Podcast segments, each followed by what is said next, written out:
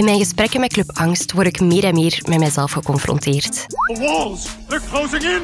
Zoals bij mijn gesprek met Gian. Net als ik vond hij het ook moeilijk om over zijn angsten te spreken. Jongens en jongens, ik heb dat thuis ook nooit meegekregen om over mijn gevoelens te praten. Het cliché van de hysterische vrouw Somebody's to save me! zorgt ervoor dat angsten als iets vrouwelijk gezien worden. Een man mag wel boos zijn, maar niet bang. Want als je bang bent, dan ben je zwak. Gelukkig is er al verandering op gang. Finally. John en Nico willen met hun podcast Men Talk To die stereotypes Je doorbreken. moet nooit zwak overkomen. Nee. Maar het ergste is ook gewoon je emoties laten zien. En tijdens ons gesprek werd ik eraan herinnerd waarom ik deze podcast eigenlijk maak. Vooral dat gevoel van ik ben niet alleen. En dat is wel nodig. Want ik merk dat ik meer en meer begin te twijfelen aan mezelf. Druk echt op niks. Hoe doen andere mensen dat? Werken met een angststoornis. Welcome to a life of insecurity and paralyzing self-doubt. En toevallig is er iemand heel dichtbij met wie ik erover kan babbelen. Want hij werkt ook mee aan deze podcast. als muziekproducer en audio-engineer. Ik ben niet gewoon om aan deze kant van de, van de microfoon te zitten, dus dat is wel speciaal. Spannend. Mijn naam is Sophie Steenhout. Op mijn zestiende had ik voor het eerst symptomen van wat later een angst- en depressieve stoornis bleek te zijn. En ik ben absoluut niet de enige jongere die dit meemaakte. opvallend meer jongeren met emotionele problemen. Want er zijn er veel die zich echt niet goed voelen. Het waren zorgwekkende cijfers. We lijken me meer dan ooit. It's like anxiety is super trendy right now. Maar waar zitten die eigenlijk? Het zou wel tof zijn om een clubje te vormen. Gelijk een Giro for Anxious People. It's not like a cult, is it? Op basis van mijn eigen ervaringen ga ik in gesprek met mede-angstigen en experts. Welkom bij Club Angst. Ik ben ook een beetje zenuwachtig. ja, ik had dat niet verwacht, maar blijkbaar... eh, Ja, het is wel wat weird. Want we hebben al heel intens samengewerkt om mijn verhaal te brengen, maar nu is het aan hem. Tables have turned, huh? Mijn naam is Stef Leenaert, ik ben 29 jaar. Tijdens het werk heeft hij maar één gewoonte. En dat is gewoon elk uur opstaan en een sigaretje gaan roken. This? Maar naast zijn werk doet hij meer sportieve dingen. Ik ga drie keer per week klimmen, zowel in de klimzaal als op de rotsen. Stef had toen hij begon nog geen last van angsten. Het liep ook goed.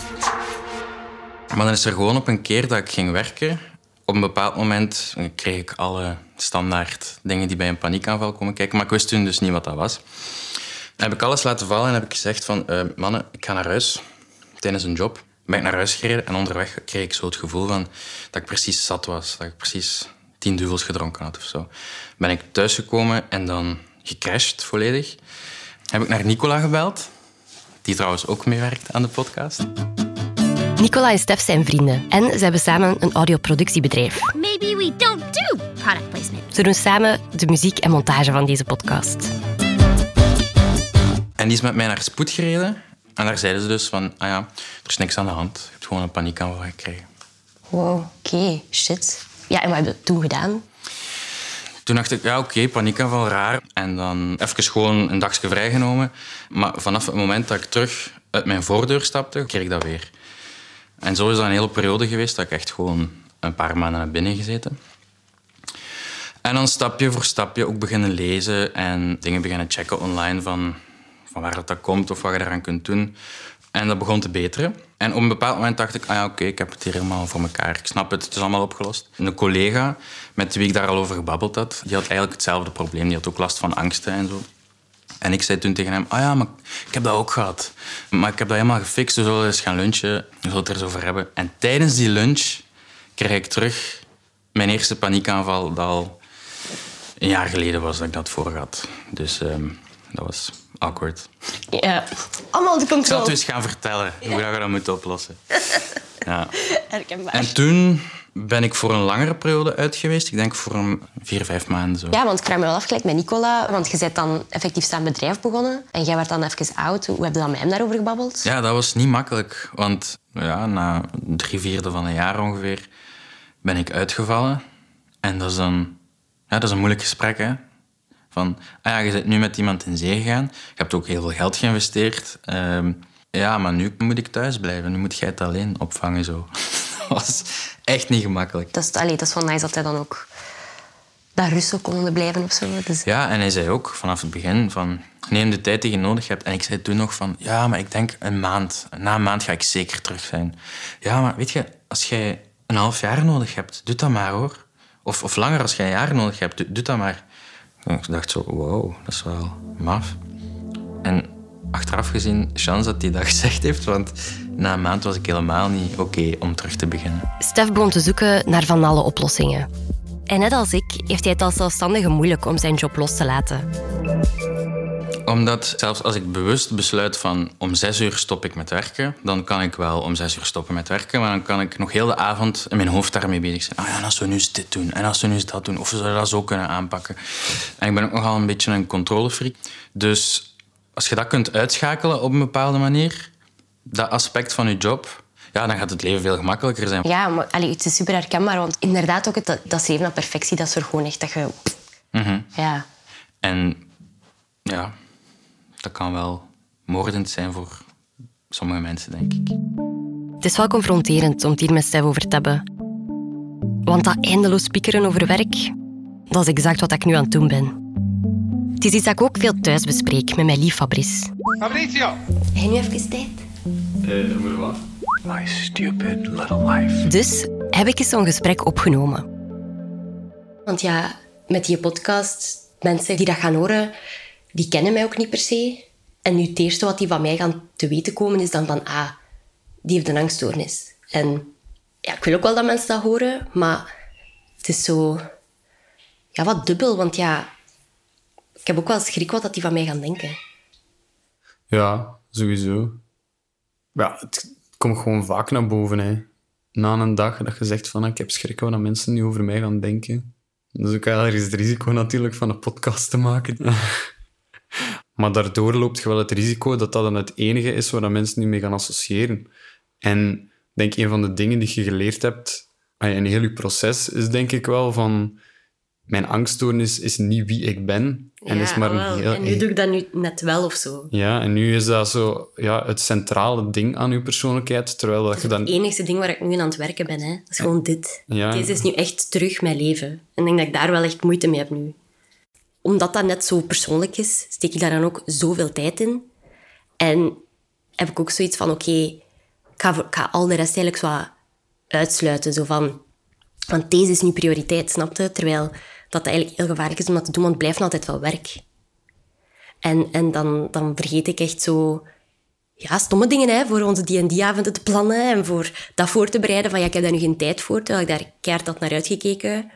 Of voor met mijn, mijn vrienden af te spreken of naar de cinema te gaan. Dat is allemaal zo niet meer belangrijk, hè, nu, voorbije maanden.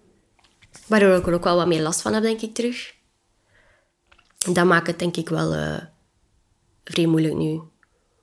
Dus eigenlijk zit je niet enkel met het probleem dat je schrik hebt dat andere mensen nu gaan reduceren tot enkel die angststoornis, maar ook dat je jezelf aan het reduceren bent tot enkel die angststoornis. Hij heeft wel een punt. Voel mij ook meer angstig en ik zit heel vaak te piekeren. Probeer dan maar iets gedaan te krijgen op een dag. Nu zijn Stef en ik allebei wel zelfstandigen. En als zelfstandige werkt je voor jezelf. Dus dat brengt ook wel bepaalde stress met zich mee. Ik vraag mij dus af hoe dat, dat zit met mensen die werken voor iemand anders, voor een werkgever. Wat zijn de dingen waar dat zij op botsen? Daarom heb ik deze persoon bij mij thuis uitgenodigd. Merci om tot hier te komen. Nee, dat is niet, dat is graag gedaan. Erin. Haar naam is Lien. Ik ben eh, 25 jaar jong. Ze werkt als studieverpleegkundige in een ziekenhuis. Daar voert ze klinische studies uit bij patiënten en volgt hen daarna op. We hebben keiveel studies lopen, gynaecologische studies, neurologische studies, diabetesstudies. Wij doen endocrine testen. Wij doen eh, screening zwangerschapsdiabetes. Ze heeft ook al een paar keer voor de camera gestaan. En dat waren wel heel schone foto's. En ik heb ook in de flyer al gestaan. Pissie, pissie, pissie. Mensen verwachten het dan ook niet dat ze al sinds jongs af aan worstelt met faalangst. Mijn ouders hebben een vechtscheiding gehad toen dat ik vijf, zes jaar was, zoiets. En eigenlijk sindsdien ben ik zo'n beetje, ja, was ik wat introverter. Kreeg ik rap angsten. Zo, ik durfde niet alleen naar het toilet. Of, of mama moest altijd mee. Ik durfde niet veel vragen. Bijvoorbeeld als ik eh, huiswerk wiskunde of zo van de lagere school. Ik had die lessen gehad, dus ik, ik snapte het wel, maar ik kwam thuis en ik keek naar die papieren en de eerste oefening lukte niet. Ik begon te huilen, te huilen. Ik kan dat niet, ik kan dat niet. En, en, en ja, mijn, mijn, mijn mama probeerde kalmeren, dat proberen uitleggen, maar ik luisterde dan al niet meer, want de eerste oefening kon ik niet. Dus laat staan dat ik dan de rest kon. Ja. Ik vind het interessant omdat veel van die dingen dat jij zegt, want bij mij is zo gediagnoseerd als angststoornis, paniekstoornis, maar superveel wat dat je zegt is echt mega herkenbaar. Ook zo van direct denken dat je het niet goed hebt gedaan en dan ook direct daar heel veel gevolgen aan koppelen. Van, ah, wow, dat betekent dan dat en dat en dat. Dus ik vind het wel interessant hoe dat je zo... Ja, dat die verschillende soorten angsten ook wel heel veel gemeenschappelijk hebben. Ja. En er is nog iets dat wel vaker naar boven komt bij leden van Club Angst. We lijken allemaal onze lat heel hoog te leggen voor onszelf. Lien doet dat ook. In de lagere school zeiden ze altijd... Lien, je gaat naar beroeps moeten ja, Lien kan dat niet aan. Hè? Dan tegen mijn mama ook. Maar ik had zoiets van... Nee, ik ga zelf beslissen wat ik ga doen. En ik heb mijn diploma gehaald en in het uh, middelbaar hadden wij een leerkracht en die heeft op spoed gewerkt. En die vertelde zo in de lessen anatomie en ja, we hebben dit meegemaakt en dat. En dan dacht ik, wauw, amai, dat wil ik ook doen. Zo. Dus uh, ja, daar ben ik wel echt trots op. Ja, je zou wel denken dat dat heel contrasterend is. Hè? Dat je dan faalangst hebt, maar dat je langs de andere kant dat wel doorduwt. Van ik wil wel die dingen. Maar dat is, ja, dat misschien is eigenlijk ook niet, want ze steken dat de lat ook wel hoog ligt voor jezelf, denk ik. Ja, verschrikkelijk hoog. Ja. Ja eigenlijk heb ik structuur nodig, want dat geeft mij rust. En toch heb ik ervoor gekozen om eigenlijk bij een bedrijf te gaan werken die mij uitdaagt. Dus die mij op verschillende projecten zet en dat ik mij elke keer wel over mijn faalangst moet zetten. Dus ik heb een vast contract daar en die plaatsen mij waar dat ze mij nodig hebben. Want ze hebben dat toen tijdens dat sollicitatiegesprek dan ook verteld? Ja, allee, ik had toen niet gezegd, ik heb phalanx, hallo. Allee, je loopt daar niet met... Allee, zeker al 21 jaar ben ik al blij dat ik, allee, dat ik direct een job had. Dus uh, nee, dat was niet uh, vanzelfsprekend. Dat is totaal niet vanzelfsprekend. Hell no. Ons gesprek doet mij terugdenken aan toen ik ging gaan solliciteren. Shit, shit, shit. En net als Lien wist ik niet goed wat zeggen. Moest ik open zijn over mijn angststoornis? You don't want to know. Of zou ik dan al mijn kansen verpesten? Ah, a classic conundrum. Om mij daarbij te helpen ben ik toen bij een organisatie langs gegaan. Daar werkt ook deze persoon. Ik ben Hilde, ik ben trajectbegeleider in Compagnie de Sporen. Dat betekent dat ik mensen met een eh, psychische problematiek of mensen met een eh, ex-verslavingsproblematiek op weg help richting werk. Hilde werkt steeds op dezelfde plek. Maar waar ze woont, staat iets minder vast. We wonen op een woonboot. En met die woonboot gaan wij in onze vrije tijd, in onze vakanties, daar gaan wij mee varen. Daar trekken wij een beetje mee rond. Met wij bedoelt ze zichzelf, haar partner en nog een extra crewlid. Een poes aan boord en die gaat overal met ons mee. Het was dus Compagnie de Sporen waar ik langs ging om loopbaanbegeleiding te volgen. Maar ze doen nog andere dingen ook. Wij noemen dat eigenlijk een beetje de sporen die we volgen. Eén spoor is arbeidsmatige activiteiten. Mensen kunnen bij ons in ateliers terecht omdat zij een bepaalde vorm van werk willen doen, maar niet op, het, in het reguliere circuit aan de slag kunnen. Arbeidscoaching, waarbij wij mensen helpen zoeken naar werk. Loopbaanbegeleiding, dat is voor mensen die al aan het werk zijn en die toch nog graag uh, in de zijlijn begeleiding hebben voor op momenten dat het terug wat moeilijk zou gaan. Het is die loopbaanbegeleiding dat mij interesseerde.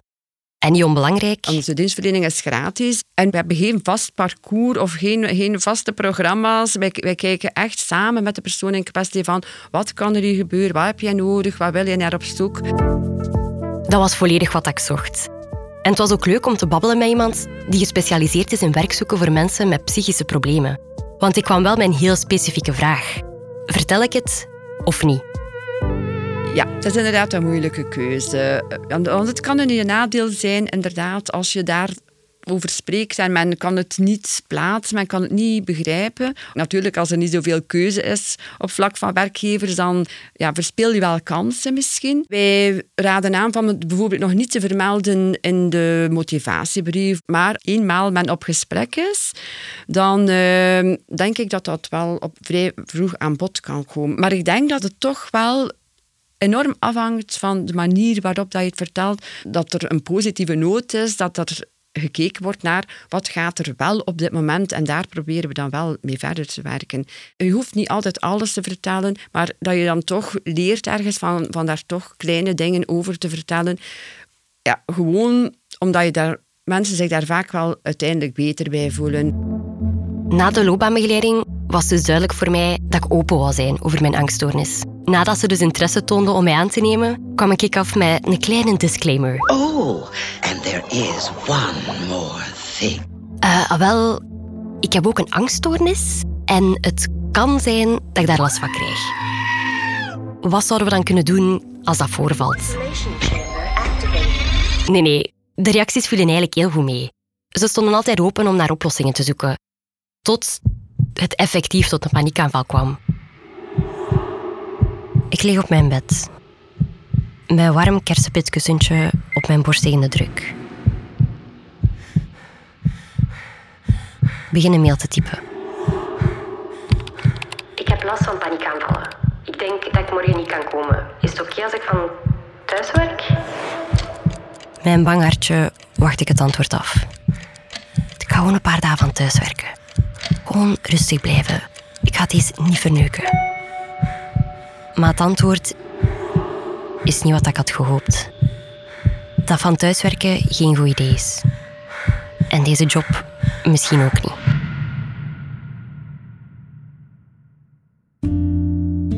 Achteraf vroeg ik mij af of dat ik niet beter had gezwegen. Als ik nu gewoon had gezegd dat ik griep had, dan had ik misschien een week kunnen thuisblijven en de job houden. Want dat is inderdaad heel divers hoe dat werkgevers daar tegenover staan. En daar moet je het een beetje mee treffen of naar op zoek gaan. Want er zijn werkgevers die heel open-minded zijn, die heel uh, behulpzaam zijn. En anderen hebben daar geen begrip voor. En ik denk, ja, in, in onze maatschappij, men probeert aan te werken om dat toch allemaal meer en meer bespreekbaar te maken. Maar het blijft wel moeilijk, dat merken we. Werkgevers willen wel vaak hun best doen. Maar ik heb gemerkt dat er nog altijd wel veel vooroordelen zijn over mensen met angststoornissen. Dat wij sowieso niet stressbestendig zijn, bijvoorbeeld. Ja, dat staat in iedere vacature, stressbestendigheid. Maar dat is zo'n algemeen begrip, dat, dat is zo moeilijk in te vullen. Dat zijn zo'n beetje loze clichés bijna. Hè? Want wij gaan er eigenlijk ook vanuit dat iedereen heeft een uniek verhaal. Iedereen is anders. Kan iedereen op een bepaald punt ziek worden. En ben je dan nooit zeker dat mensen al dan niet gaan uitvallen. Bij Lien was het ook spannend, toen dat voor de eerste keer voorkwam op haar werk. Mijn eerste project was een pittig project. En um, dan had ik ook wel zo die... Dat ik alles heel veel aantrok. En zo ook... Als ik bijvoorbeeld um, iets verkeerd had gedaan... of ik had bed vergeten op, opmaken... was ik zo echt heel boos op mezelf. En dan belde ik wel mijn teamcoach. En dan kon ik wel huilen. Allee, zo van... Ik, ben, ik loop hier niet goed. En ik doe het hier niet goed. En zo, ja... En dan, um, ik moet zeggen, dan hebben ze mijn teamleider. En dan heeft hij met mij een uur liggen wandelen. En eigenlijk met mij gebabbeld. En eigenlijk gewoon zo concreet gezegd van... Misschien kunnen we het zo doen. En misschien kunt je het zo aanpakken.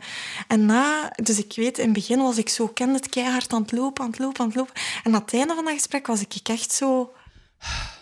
Ja, en dan hebben die mij heel goed begeleid. Daar ben ik echt nog steeds heel dankbaar voor. En dat vind ik zo mooi aan ons bedrijf, dat, dat ze, ondanks mijn falangst en ondanks dat ik liggen wenen heb op mijn project, en toch hebben die mij altijd ja, gesteund. Ondertussen zijn de collega's van Lien ook op de hoogte. Ik vind dat juist ook voor mij heel rustgevend dat ik weet dat heel mijn team weet dat ik dat heb. En dat is oké. Ik vind ook... Allee, dat is stom, hè, maar dat is lekker een allergie. Hè. Ik ben allergisch aan penicilline, aan antibiotica of zo. Dat is toch maar normaal. Dat e- als jij zegt van ik heb faalangst en als de druk soms te groot is, of, dan gaat het mij wel moeten helpen. Als team zijden er voor elkaar en voor, ja, voor elkaar op te vangen. Terwijl mijn, mijn, mijn collega's zullen ook werkpunten hebben. Zullen ook het met dit of met dat moeilijk hebben. En dan ondersteunen we die daarin. Ik vind dat daar heel veel taboe rond hangt en dat hoeft totaal niet. Nee, want dat heeft ook positieve dingen. Mijn hoofdverpleegkundige vindt dat juist goed dat ik faalangst heb in de zin van ik ga altijd kritisch zijn. Ondanks mijn faalangst dat dat een beperking is, is dat eigenlijk ook wel een sterkte. Uh-huh. Dus het is een truc dan om het kritische te bewaren, maar het minder hard te zijn voor jezelf als je een keer een fout maakt. Dat is nog, ja, Ja. Dat is zo nog wat... De balans. Je daar de balans vinden. Ik vind dat echt zo schoon dat Lien ook de sterkte kan inzien van haar angsten en dat haar werkgever dat ook ziet.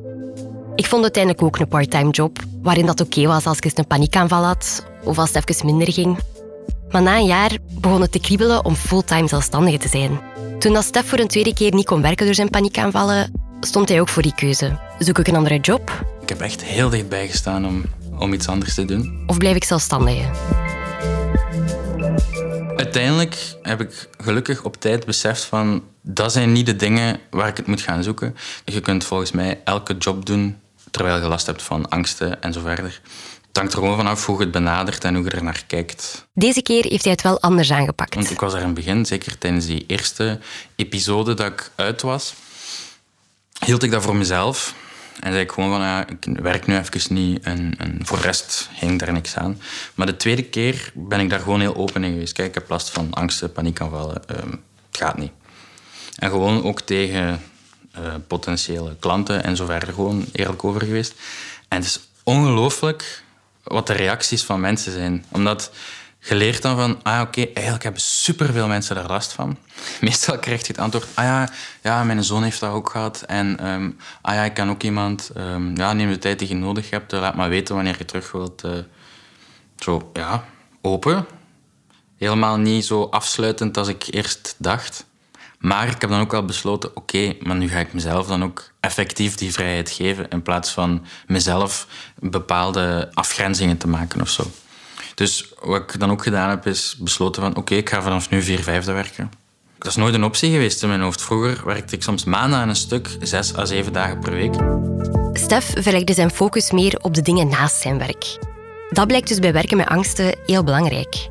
Bij Compagnie de Sporen zijn ze bij het traject ook vaak meer bezig met dingen die niet met werk te maken hebben dan met werk zelf. Want ja, werk en welzijn, dat gaat samen. Hè. Dat is één geheel. Wat wij vaak horen, eh, is ja, dat mensen zich echt wel schuldig voelen. Als, als, als het niet lukt op het werk of als, ze- als ze niet kunnen werken. Die schuldgevoelens zijn vaak heel groot. Ehm, ja, mensen voelen ja, dat ze falen, dat ze niet kunnen meedraaien, dat ze niet meetellen. En, en eigenlijk is dat wel heel jammer. En deze druk op zich al weegt heel zwaar door op mensen. En als je dan bijvoorbeeld al een angstig persoon bent, die faalangst wordt nog zoveel groter. Het idee van, oei, dat gaat je niet lukken, ik ga zaken verkeerd doen, ik ga, ga eronder doorgaan. Dat is eigenlijk een druk die dan heel de tijd leeft. En dat proberen wij toch ook aan mensen duidelijk te maken. Werk, dat is niet het enige in het leven. Hè. Daarnaast zijn, zijn zoveel andere dingen belangrijk. Als de randvoorwaarden, zoals wij dat noemen, niet goed zitten, dan kan dat werk ook niet lukken. Bij Stef gebeurde er ook iets opvallends wanneer dat hij minder begon te werken. Ik heb op mijn 14 besloten, oké, ik wil muziek gaan doen. En alles was altijd muziek. Ik heb nooit gesport of niks anders gedaan dan alleen maar muziek eigenlijk. En vanaf het moment dat ik besloten heb, oké, nu ga ik tijd maken voor mezelf. Het rare was dan ook, ah ja, ik, in die vrije tijd, ik maak geen muziek of zo. Hè. Ik ben plots gaan sporten, ik ben helemaal andere dingen gaan doen. En dan kun je ook dingen ontdekken over jezelf of zo. Want als je heel de tijd blijft rechtdoor gaan met oogkleppen op en je blijft maar gaan, dan... Ja... Ja, nee, maar bedoel, hè? super herkenbaar. Want ik denk inderdaad, zeker als je zo echt zo'n passie hebt dat je voor wil gaan, dan is dat het doel. En tot als dat doel bereikt is, is er geen tijd voor andere dingen. Mhm. En dan- en het doel is nooit bereikt. En een doel wordt nooit bereikt, nooit. Dus er is nooit tijd om andere dingen te gaan exploren van jezelf en voor je eigen te zorgen eigenlijk, want het doel moet bereikt worden. Het doel moet bereikt worden. Gelijk deze podcast maken. Maar die goesting die ik voelde in het begin is volledig vervangen door angst. Zou ik niet beter gewoon stoppen? Angst om wat dat mensen van mij gaan denken. Gaan mensen mij irritant vinden? Dat angst dat het nooit goed gaat zijn. Ik ben al zo lang bezig. Dus steek ik er nog meer tijd in. En nog meer tijd. Tot ik niet meer kan. Fuck it.